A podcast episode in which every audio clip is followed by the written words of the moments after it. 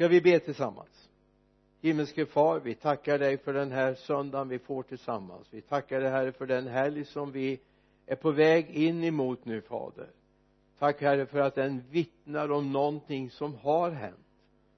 Och herre vi tackar dig för att det här är sant. Det är inget fake news utan det här är sant. Det har hänt. Du kom till den här världen för att uppsöka och frälsa det som var förlorat. Och herre tack för att vi fick del av detta. För ditt namns skull. Amen. Amen. I kyrkoåret det är andra årgången nu men den tredje söndagen är vikt för Johannes döparen. Bana väg. Gör stigarna jämna. Det är liksom budskapet som finns från tredje söndagen i advent och jag tänkte hålla mig lite omkring det här. Men kanske inte först och främst om Johannes döparen. Utan jag tänkte på dig och mig. Hur banar vi väg för människors tro på Jesus Kristus? Hur gör vi det? Hur låter vi människor förstå att Jesus är en verklighet? Han lever med oss livslevande idag. Han finns, han går tillsammans med oss vi tror på honom, vi följer honom och vi vet att han gör saker i våra liv. Så jag tänkte vi ska landa i en text i andra korinterbrevets andra kapitel med början på vers 14 andra korinterbrevets andra kapitel vers 14 Paulus är väldigt positiv här när han skriver men vi tackar Gud som ständigt för oss fram i Kristi segertåg och sprider sin kunskapsdoft genom oss överallt. Vi är en Kristi väldoft inför Gud bland dem som blir frälsta och bland dem som går förlorade. För några en doft av död till död för andra en doft av liv till liv. Vem räcker till för detta?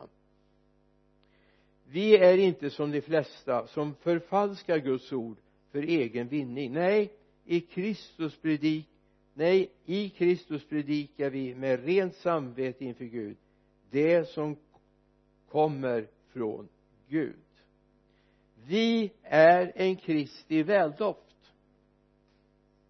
En del blir glada andra känner oro och bekymmer det är så att vi kan reagera olika på olika dofter, eller hur va?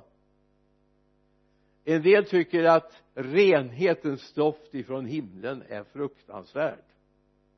För det påminner om den orenhet jag själv lever i. Andra känner ja Gud det här är bra.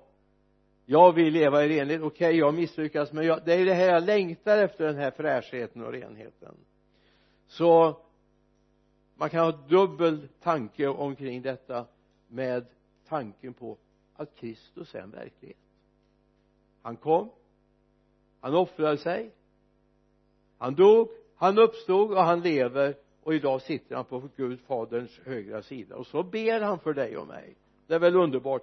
Så du kan tänka så här när vi är samlade här i kyrkan eller du som finns där via Facebook eller så småningom via eh, youtube Gud ber för dig. Gud tänker på dig. Och Gud ber inte om straff Gud ber om välsignelse. Gud ber om en väg för dig genom den tid du har. Så när vi den här söndagen möts inför budskapet bana väg för Herren så är det det vi vill göra idag va? Det är det vi vill göra med den här församlingen. Vi vill bana väg för människors möjlighet att få tag i Jesus. Tredje söndagen i advent hänvisar egentligen till Jesaja-boken.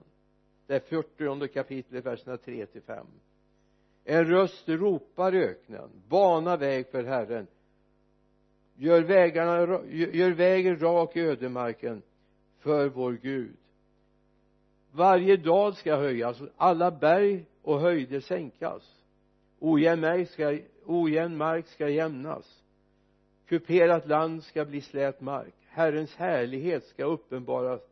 Alla människor ska se det tillsammans för Herrens mun har talat. Det var ju det här Johannes fick som sitt budskap. Han var inte Messias. Han var bara förebudet för honom. Han hade ett budskap han ville förmedla till dig och mig. Och han hade fått det här uppdraget. Ja men tänk Johannes. Jag vet inte om du har läst om Johannes döparen? Det är en spännande läsning. Han hade ingen egen agenda. Han hade ingen egen ambition att bli någonting. Han hade bara en enda eh, ett enda motiv. Jag vill göra det enkelt för människor att ta emot honom som ska komma. Jag bara rösten av honom som ropar. Jag är ingenting i mig själv det här vet vi bara att om du skulle nu landa till första Johannes evangeliets första kapitel så står det om det här om vittnesbördet. När man bara frågar vem är du? Är du profeten? Är du Messias? Vem är du? Nej jag är rösten av honom som ropar i öknen. Bana väg. Gör det möjligt för människor att få tag i Jesus. Det är hans budskap. Och egentligen är det ditt och mitt budskap med ibland har vi en ambition att bli någonting. Vi ska vara duktiga vi ska vara märkvärdiga människor ska bli fascinerade när de ser oss, hör oss och så vidare. Lägg ner. Det finns bara en som människor ska bli fascinerade av det är Jesus. Och de ska se den fascination du och jag har för Jesus. Det är den de ska upptäcka. Det är den de ska fascineras av inte av oss utan av att vi är fascinerade över Jesus. Är du fascinerad av Jesus? Är du glad för honom? Är du tacksam? Har du talat om det idag på morgonen till honom? Du vet det kan vara ibland med oss och, och Jesus som det är i vissa äktenskap. Gubben säger det här du vet att blir det någon ändring så säger jag till. Istället för att säga att jag älskar dig när sa du det senast? Ja men det kan vara till make, maka. Det kan vara till barn, barn till föräldrar. Det kan vara till arbetskamrater som betyder mycket för en. När talade du om senast att du är glad för dem att du är tacksam för dem. Att du till och med kanske älskar dem. Så det inte bara blir så här oj det gick visst 40 år och jag har inte sagt det då är det nog lite på tiden så att säga att tala om det för arbetskamraterna att du är tacksam för dem. För det tror jag förändrar en del i ditt eget liv om du känner att du är tacksam för dem. Johannes hade ett mycket speciellt uppdrag.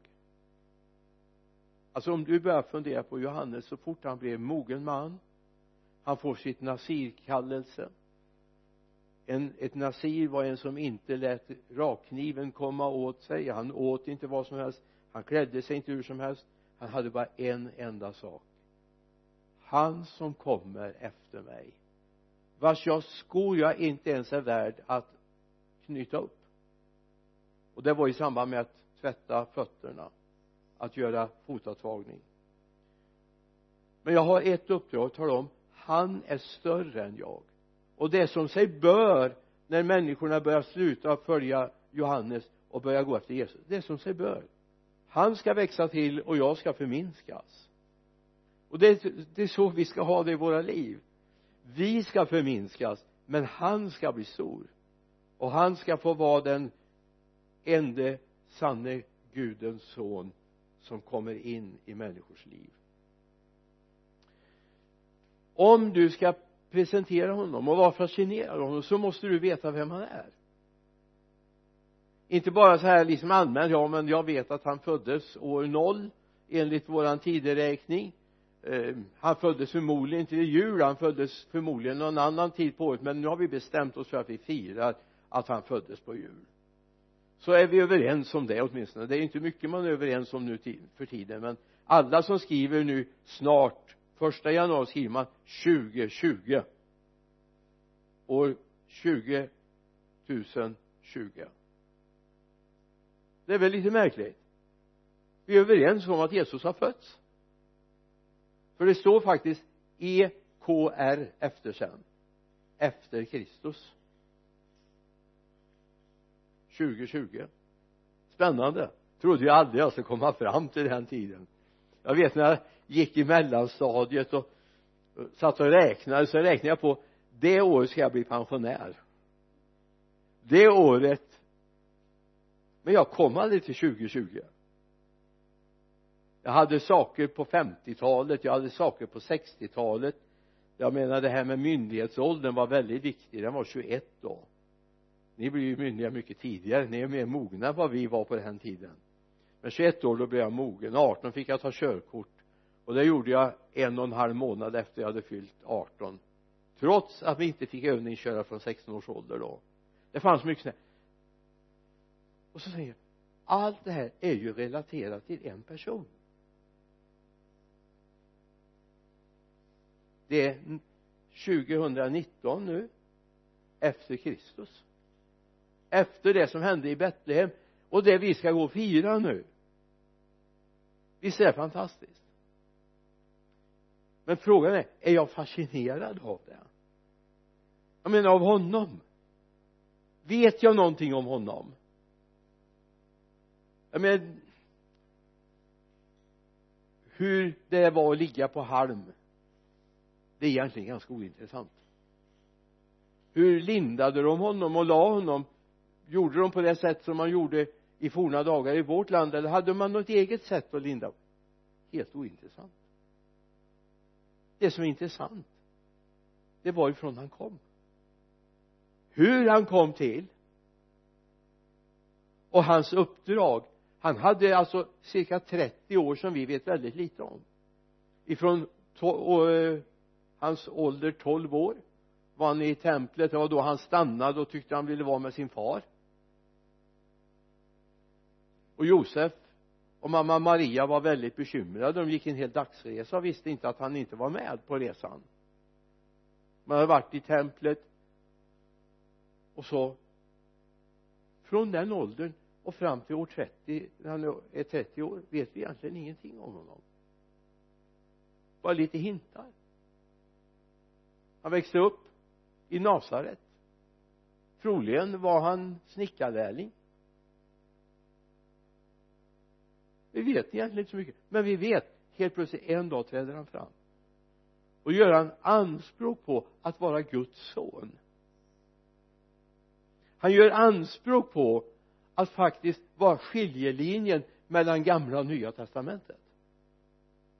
Mellan profettiden till uppenbarelsetiden. Han gör anspråk på detta. Han samlar en grupp lärjungar vi, vi gör lite stort och tänker ja men det var väl fantastiskt. Han, han hade tolv män som han gick runt omkring med. Men det här var inget unikt på den tiden.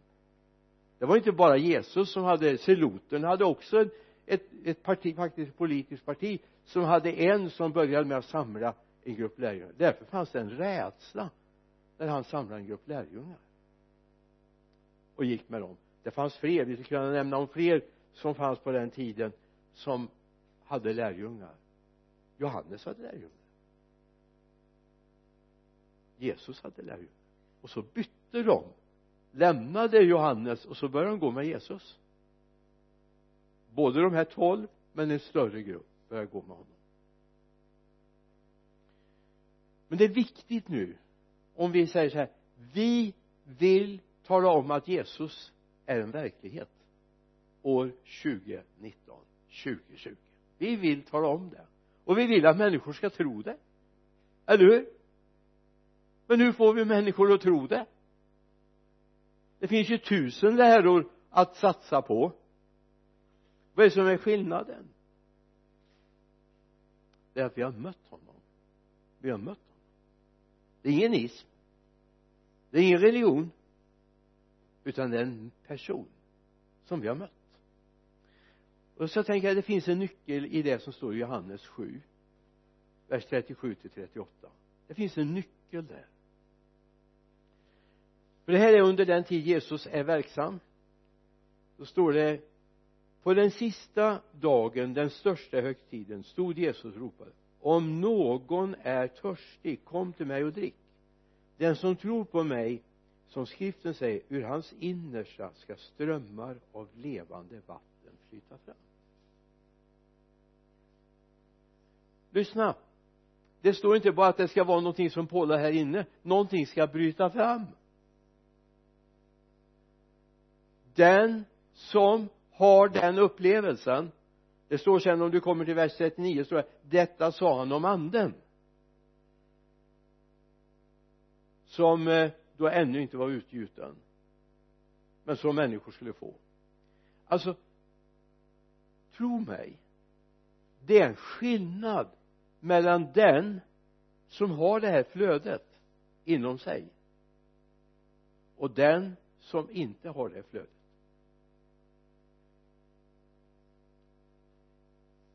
I både Judas och Jakobs brev men vi ska inte gå till dem nu står det om vatten eller moln utan vatten brunnar utan vatten kanske du är en brunn utan vatten? Tänkte på en liten e-, episod jag var med om när jag var liten grabb. Min morbror blir jag, min morbror. Ingifta morbror. Han var lantbrukare uppe i fjällvärlden. Norr om Marsfjället. I skogarna där. Alltså vi som kom ner från Västergötland vi, vi tyckte att det här var väldigt låga träd väldigt låga träd. Men det var skog i alla fall. Där drev han på morgonen släppte han ut korna. En hade en sån här dinglande skramla runt halsen. Skälla tror jag man brukar kalla det för och så gick de ut i skogen. Och så på kvällen och när det var bra med bete så kom de hem till mig en gång mitt på dagen ville bli mjölkade. Och sen drog de iväg igen det här var lite besvärligt på söndagarna när man skulle få gudstjänst fyra mil bort. Så hon sa att ja två gudstjänster går bra men tredje blir lite besvärligt vi hinner inte hem och mjölka emellan. Men då fanns det ett kapell i grannskapet så då kunde de åka dit på det tredje mitten på dagen mötet min eh, ingifta morbror han var väldigt noga med gudstjänsterna verkligen. Men två gånger var de till Långsjöby där de hade sitt kapell, pingstkapellet men en dag så är jag med honom. Vi ska ut och titta hur det är med korna om det fanns något bete. Jag var väl åtta år eller någonting i den stilen. Ganska kortbent på den tiden i den risiga marken. Men vi travade fram där och när det var för besvärligt så bar mig morfar och det, det var, eller inte morfar, morbror. Det tyckte jag var väldigt gott. Synd att slita på unga benen han hade gjort en upptäckt. Det fanns ett vattenflöde en, en liten å som rann genom hans marker. Och den här börjar sina. Och han funderar på vad är det som gör att det inte kommer något vatten? För korna behöver ju vatten. Han kan ju inte börja bära ut vatten till dem ifrån sin grävda brunn utan han vill lita på det här vattendraget och vi gick efter det här vattendraget vi gick kilometervis upp på en bergssida. Och så sa han nu får vi göra en liten gå, gå en runda här. Här är själva källsprånget. Så gick vi dit och så såg vi att det hade verkligen slammat igen. Det var vattensjukt i marken men det hade inte runnit fram så det kom i bäcken. Så började han krypa ner på sitt knä och röja undan bråten som var i det här flödet. Och så småningom bubblade det ur marken och började rinna i den här fåran igen. Jag tänkte kan det vara så att det har kommit saker i vägen? En dag flödade det. Kanske det är saker som behöver tas bort så att flödet på nytt får fritt fram. Så att det kan mätta det kan släcka törsten hos dem som finns i vårt område. Kanske ditt böneliv. Kanske din glädje i Gud. Det har hänt någonting med den. Så att du inte längre är den här profetrösten som ropar gör dig beredd. Han kommer. Kanske det är tid att ta den där vandringen de där kilometerna om du förstår bilden nu. Så att också du få chans att göra upp och rensa upp plocka bort. Det var grenar, det var löv, det var mossa som hade kommit i vägen. Och när vi hade då hållit på där, ja vi. Jag, jag var åskådare jag var coach. Det var min morbror som gjorde jobbet. När han hade röjt undan frilagt det här så kunde vattnet börja rinna igen. Och då var det inte längre ett vattensjukt område bara där utan det fick möjlighet att flöda. Den där bilden har jag tänkt på många gånger även för egen del vikten av att få göra rent så att flödet får börja igen i mitt liv. Så låt Guds källa som finns i dig inte bara vara någonting för dig det är någonting för hela din omgivning det är någonting för dina grannar det är någonting för dina släktingar det är något för dina arbetskamrater det är något för dem du möter bara sådär spontant. Så blir du en Johannes själ som förbereder människor på att han är en verklighet han finns. Jag vet inte om du har varit med om det. Jag har varit det jag har inte funnits så mycket ute i arbetslivet på det sättet. Då jag har haft fikarum och så vidare. Men jag har gjort det några gånger i alla fall i i mitt liv. Jobbat på byggen jag har jobbat på fabrik jag har jobbat ute på elledningar och på installationssidor. Det blev inte många år. Men någonting jag registrerade. Bland annat på när jag jobbade på Katnifors AB hemma i Mariestad under en period som skifteselektriker så fick vi en ny arbetskamrat. Jättefin kille. Duktig. Hängiven. Verkligen och gjorde jobbet. Men även i fikarummet gjorde han en skillnad. Jag funderar på vad är det som är skillnad med honom och de andra? Språkbruket var ett annat ämnena han tog upp på samtalen var mer konstruktiva och positiva. Det var inte bara problemet med chefen och lönen och världskrigen höll jag på att säga och vad det nu var. En del har ju inga andra ämnesområden. Det fanns någonting konstruktivt. Helt plötsligt upptäcker jag Roland som han hette han älskar Jesus. Det var inte så han stod i ett hörn och predikade Jesus för oss men hela hans varelse var det fanns ett annat, något annat att stå på. Han gjorde skillnad bara han kom in i fikarummet. När vi möttes på arbetsplatsen han gjorde skillnad. Han var hjälpsam, han ställde upp. Vi blev väldigt goda vänner. Så visade det sig att han tillhörde pingstförsamlingen hemma i stan. Och eftersom jag då tillhörde en baptistförsamling och vi hade bönemöten på onsdag och de hade bönemöte på torsdag så det var ju bra. Då fick jag två bönemöten den veckan. Helt underbart. Och så var jag scoutledare på fredagen och tisdagen. Så jag hade schemat fulltecknat. Helt härligt. Men få vara med honom på de här bönemötena. Jag har berättat om det förut. Det har satt som prägel på mitt liv. Att få se människor med valkade händer med slitna ryggar men prisa Jesus av hela sitt inre. Jag tror att under den korta tiden jag fick möjlighet att vara med på de här bönemötena sen flyttade jag från orten för skolgång så tror jag jag hörde mer profetiska tilltal på de månaderna än vad jag hörde, har hört på årsvis förut. Och det var inte det här att Jesus säger att eller den helige ande säger att han älskar oss. Det kan jag läsa bibeln, det står det. Utan det var klart det här händer. Observera nu är det någonting på gång i den här stan. Mycket mycket fascinerande. Därför det fanns ett flöde. De hade rensat undan. Flödet fanns där. Gud give att det flödet får finnas hos oss så människor ser han är en verklighet. Ibland har vi kanske lite överskattat det här att vi ska berätta för människor om att Jesus kommer. Och det, det, det är viktigt att säga det. Men det är viktigt att våra liv präglas av detta också.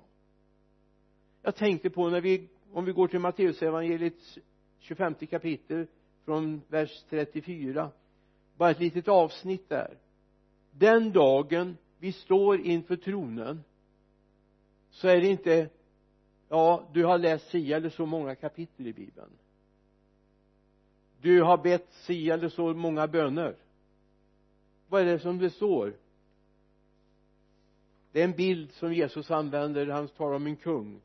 Då ska kungen säga till dem som står på hans högra sida kom ni min fars välsignade och ta emot det rike som stått berett för er sedan världens skapelse. För jag var hungrig och ni gav mig att äta. Jag var törstig och ni gav mig att dricka. Jag var främling och ni tog emot mig. Jag var naken och ni klädde mig. Jag var sjuk och ni besökte mig. Jag var i fängelse och ni kom till mig. Om du tittar i verserna efter så ställer de, ställer de frågan men när, när upplevde vi att du var hungrig? När upplevde vi att du var utan kläder? När upplevde vi. Och då är svaret kom det ni gjort mot en av mina allra minsta det har ni gjort mot mig. Alltså jag tror att det här är att visa på den Jesus som vi vill förbereda människor att få tag i. Det handlar om det. Du vet en ros. Du hoppas du älskar rosor. Det gör jag har du tänkt på att rosor doftar väldigt ljuvligt? Har du satt näsan i en ros och känt? Är de alltför fram, hårt framdrivna så kan det vara så att de har tappat lite grann av, av doften. Men har du tänkt på att en ros tänker aldrig så här nu måste jag tänka på att jag är en ros och därför måste jag dofta på ett speciellt sätt. En ros har sin natur doftar den gott. Du vet vad en jasminbuske är? Ja de här vita härliga blommorna som också har en enorm god doft, eller hur? Jag inte vad heter det doft? Jo det heter det kanske. Men jasminbusken tänker inte så här nu är jag en jasmin nu måste jag lukta på ett speciellt sätt. Tror du det? Tror du inte det? Jag skulle vilja säga. Du är kristen. Kan vi överföra bilden och säga så här? Du har en doft omkring dig. En väldoft. En Kristi väldoft. Vi gör skillnad. Vi gör skillnad. Så jag skulle vilja säga kom igen nu. Låt den kristna doften väldoften får sprida sig. Så att människor får se det finns en verklighet.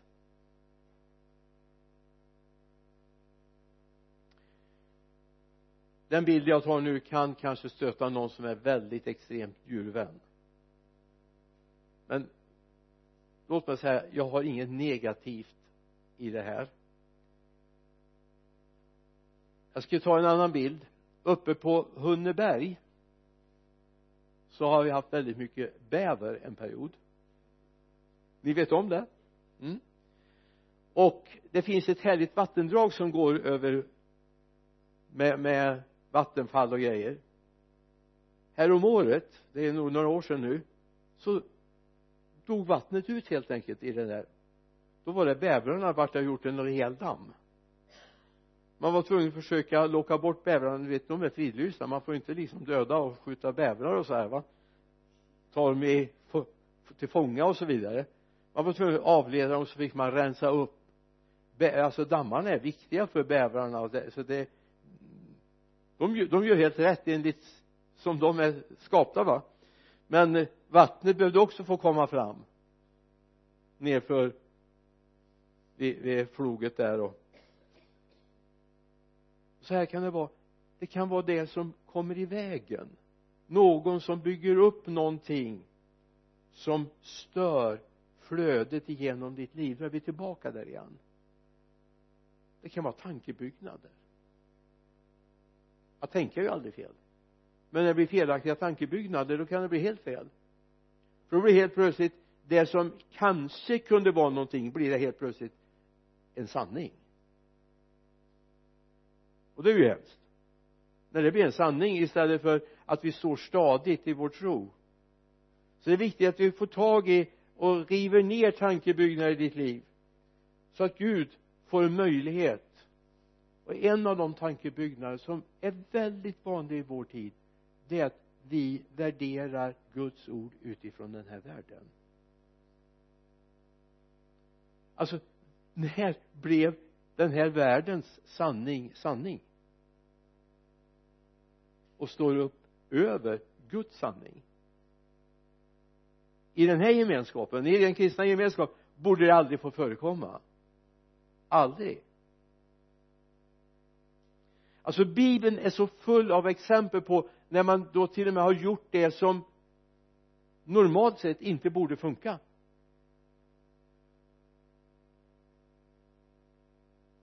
Jag menar Petrus gick på vattnet till exempel ja men vi kan ju gå på vatten här också men då får det vara fruset först. Det är inte så många av oss som har gått på vatten på sommaren, eller hur? Nej. Det händer. Eller Mose kommer med hela Israels folk och går över Röda havet. Det borde de inte kunna men det fanns en Gud som höll undan vattnet. De gick över Jordan 40 år senare då är det Josua som gick före dem. Och då stannade också vattnet så att de kunde gå över.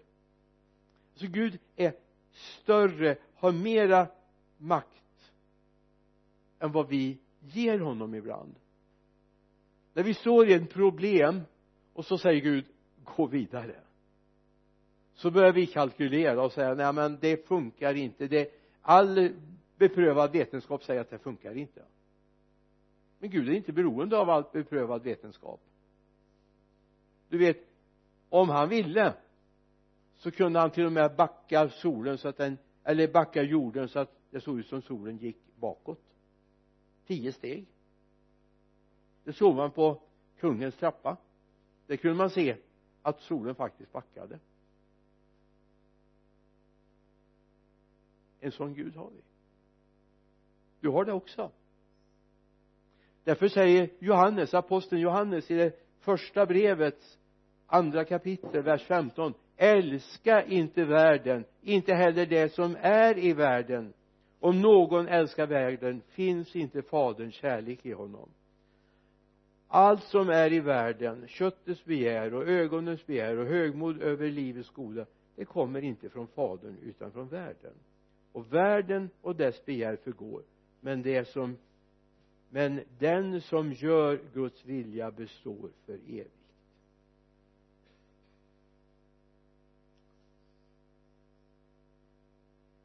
Kom ihåg du som bekänner Jesus som Herren. Du som säger att du är frälst du är Guds barn.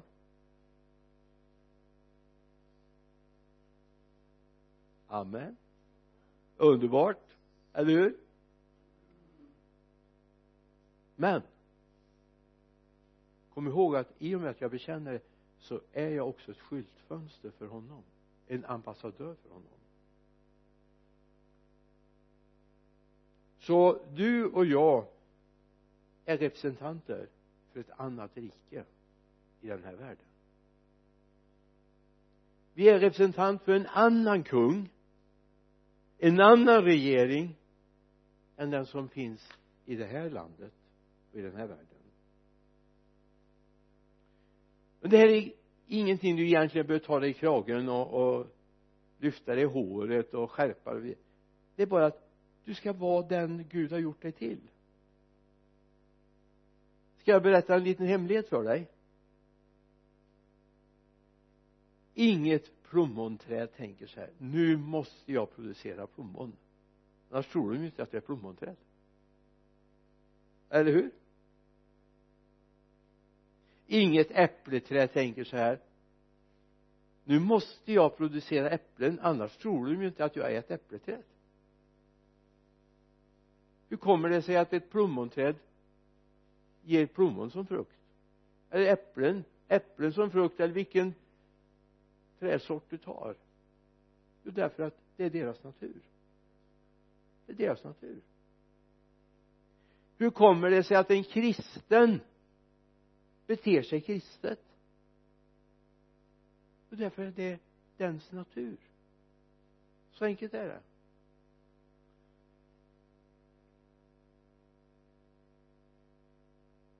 Johannes döparen säger någonting väldigt viktigt när han står där ute vid Jordan och predikar. Vi har det i Lukas 3 vers 8 den första delen. Vi skulle kunna läsa hela samma men jag läser den första meningen bara. Och säger så här bär då sådan frukt som hör till omvändelsen. Bär då sådan frukt som hör till omvändelsen. Om Jesus är herre i våra liv om han är den som är viktigast den vi älskar kommer vi bära frukt utifrån det. Ingenting jag behöver ta mig i kragen för att göra. Jag gör det. Inget plommonträd gnäller på grenarna och säger nu måste ni bära plommon. Eller hur? Det händer ändå. Ingen som är en pånyttfödd kristen behöver säga och skärpa sig och säga nu måste jag verkligen leva kristet här. Nu måste jag verkligen leva kristet det hör ju till naturen. Och på det sättet så är vi en Johannessjäl som ett förebud för den Kristus som vi vill representera. Eller hur? Det här är så självklart så det blir nästan naivt. Men det är så jag vet aldrig att min pappa skällde. Vi hade ju plantskola hemma och sålde fruktträd och så. Pappa sa aldrig till äppelträdet innan han levererade nu måste du bära äpplen. Han behövde aldrig säga det.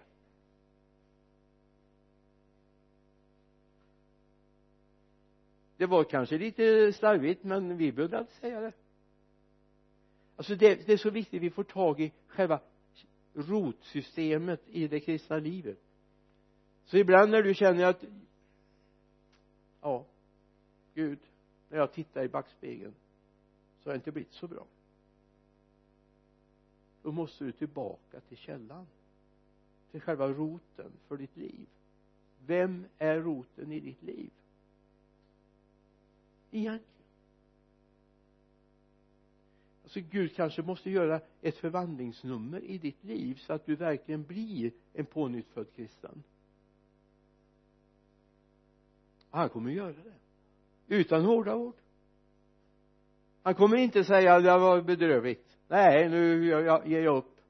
Nu har du har kommit tillbaka till mig så många gånger så det, nu, nej nu går det inte längre. Han är inte så. Utan han säger kom låt oss gå till rätt låt oss få starta om. Så får jag verkligen fylla dig med min ande mitt flöde. Filipperbrevet. Paulus skriver till församlingen i Filippi det första kapitlet. Börja läsa vers 9 lyssna. Ha gärna ögonen på det. Och min bön är att er kärlek ska överflöda mer och mer och ge insikt och gott omdöme så att ni kan avgöra vad som är viktigt och vara rena och fläckfria på Kristi dag rika på rättfärdighetens frukt som Jesus Kristus ger. Gud till ära och pris. Det står att han ger frukten. Han ger frukten. Han ger dig förmåga att verkligen växa. Ett liv i honom pekar på honom. Hela vårt liv pekar på honom. Amen hela ditt liv pekar på honom. Därför han bor i dig, eller hur?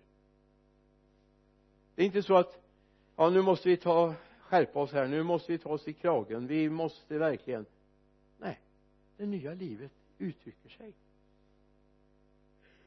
Både språkbruk omsorg om medmänniskorna kärleken till dem som till och med är bråkiga och besvärliga.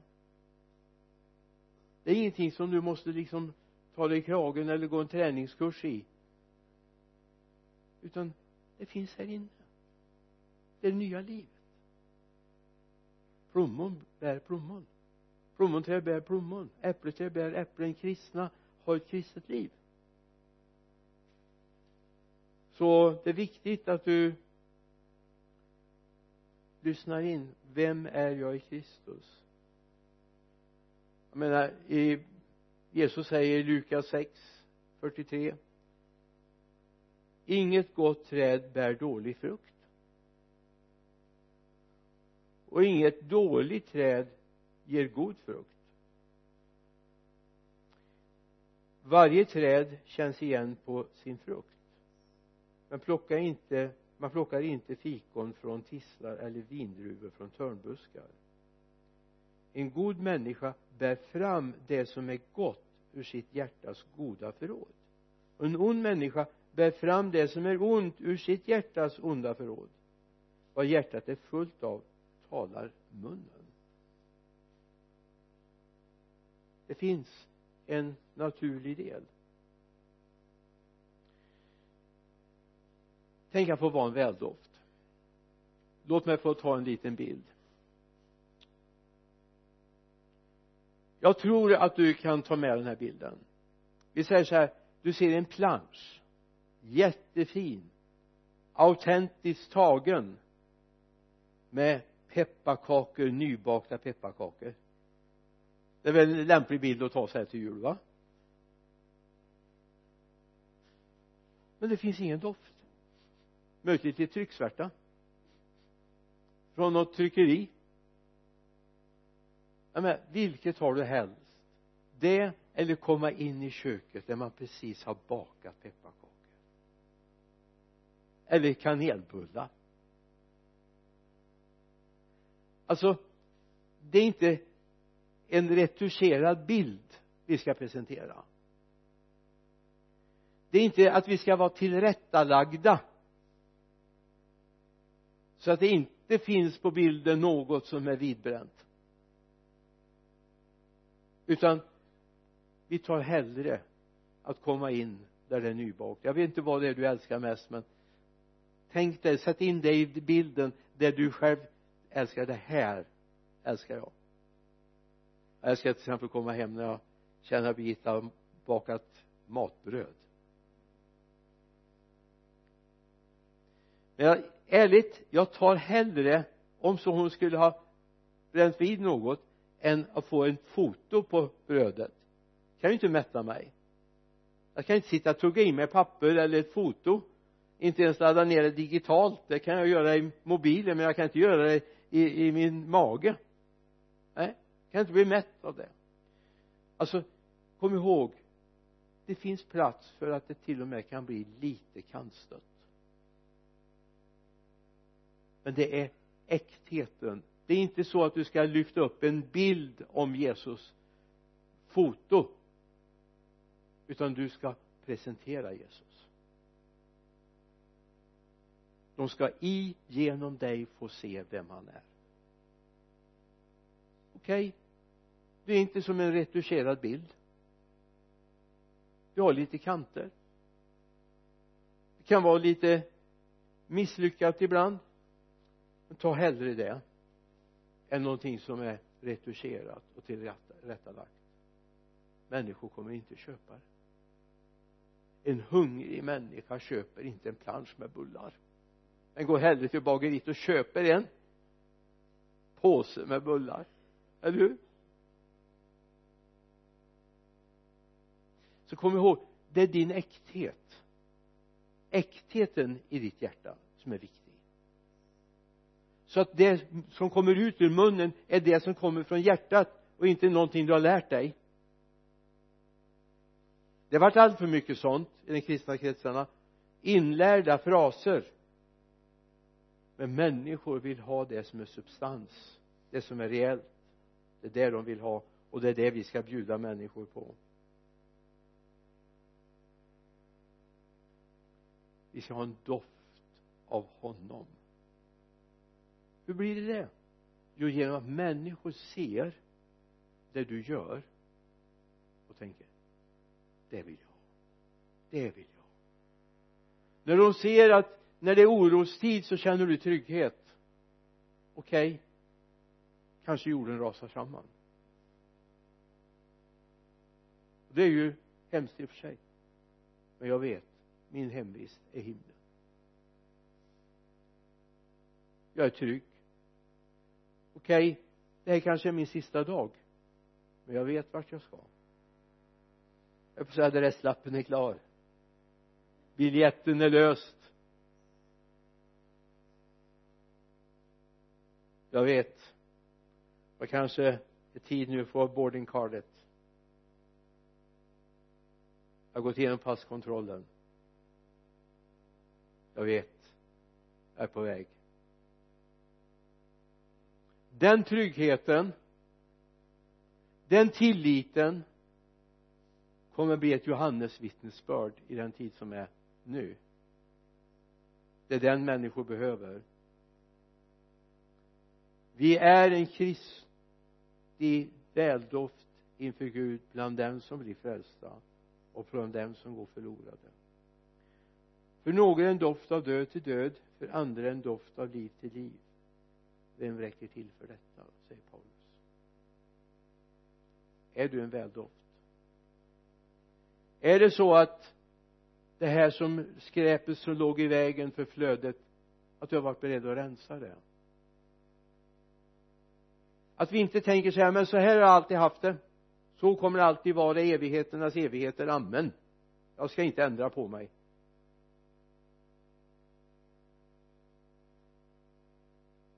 Eller tänker så här Gud har du något mer så vill jag ha det också. Har du någonting mer så tar jag emot det. Jag vill inte leva i stagnation jag vill leva i utveckling. Jag vill vidare ända till den dagen du tar mig hem. Jag litar mer på dig än vad jag litar på min plånbok. Jag litar mer på dig än vad jag litar på mina vänner i världen för den här världen det är inte mitt hem. Jag är på väg härifrån. Jag är tacksam för den tid jag fick vara här. Tacksam för alla människor jag fått möta och uppleva gemenskap med. Men det här är ju inte mitt hem. Andligt sett har jag inte mitt medborgarskap här det har jag i himlen. Men jag vill att fler ska få hitta vägen till himlen. Jag vill att mitt liv ska vittna om honom det ska finnas ett flöde i mitt liv. Ända till den dagen han säger nu är det färdigt, nu får du gå hem. Tänkte på det när jag höll på med scouter de har mycket roligt för sig. Ni vet numera är det mycket snitslade banor och kan vara karta kompass men vi jobbade med att lägga ut tecken i för patrullerna på marken. Och det sista tecknet vi la när man kanske slutade någonstans ute i skogen för att tala om nu ska du gå tillbaka till scoutstugan. Då la vi en rund ring med kottar eller stenar och så en prick mitt i om det var ganska nära. Det kunde vara lite andra uttryck också om man skulle gå långt. Jag har gått hem betyder det. Tänk en dag den ni har kvar den ring med stenar eller kottar och en prick. Jag har gått hem. Välkommen efter. Jesus jag ber dig. Låt det här få landa i våra hjärtan. Låt oss få känna herre att vi hör dig till att du älskar oss fullt ut. I Jesu namn. Amen. Amen.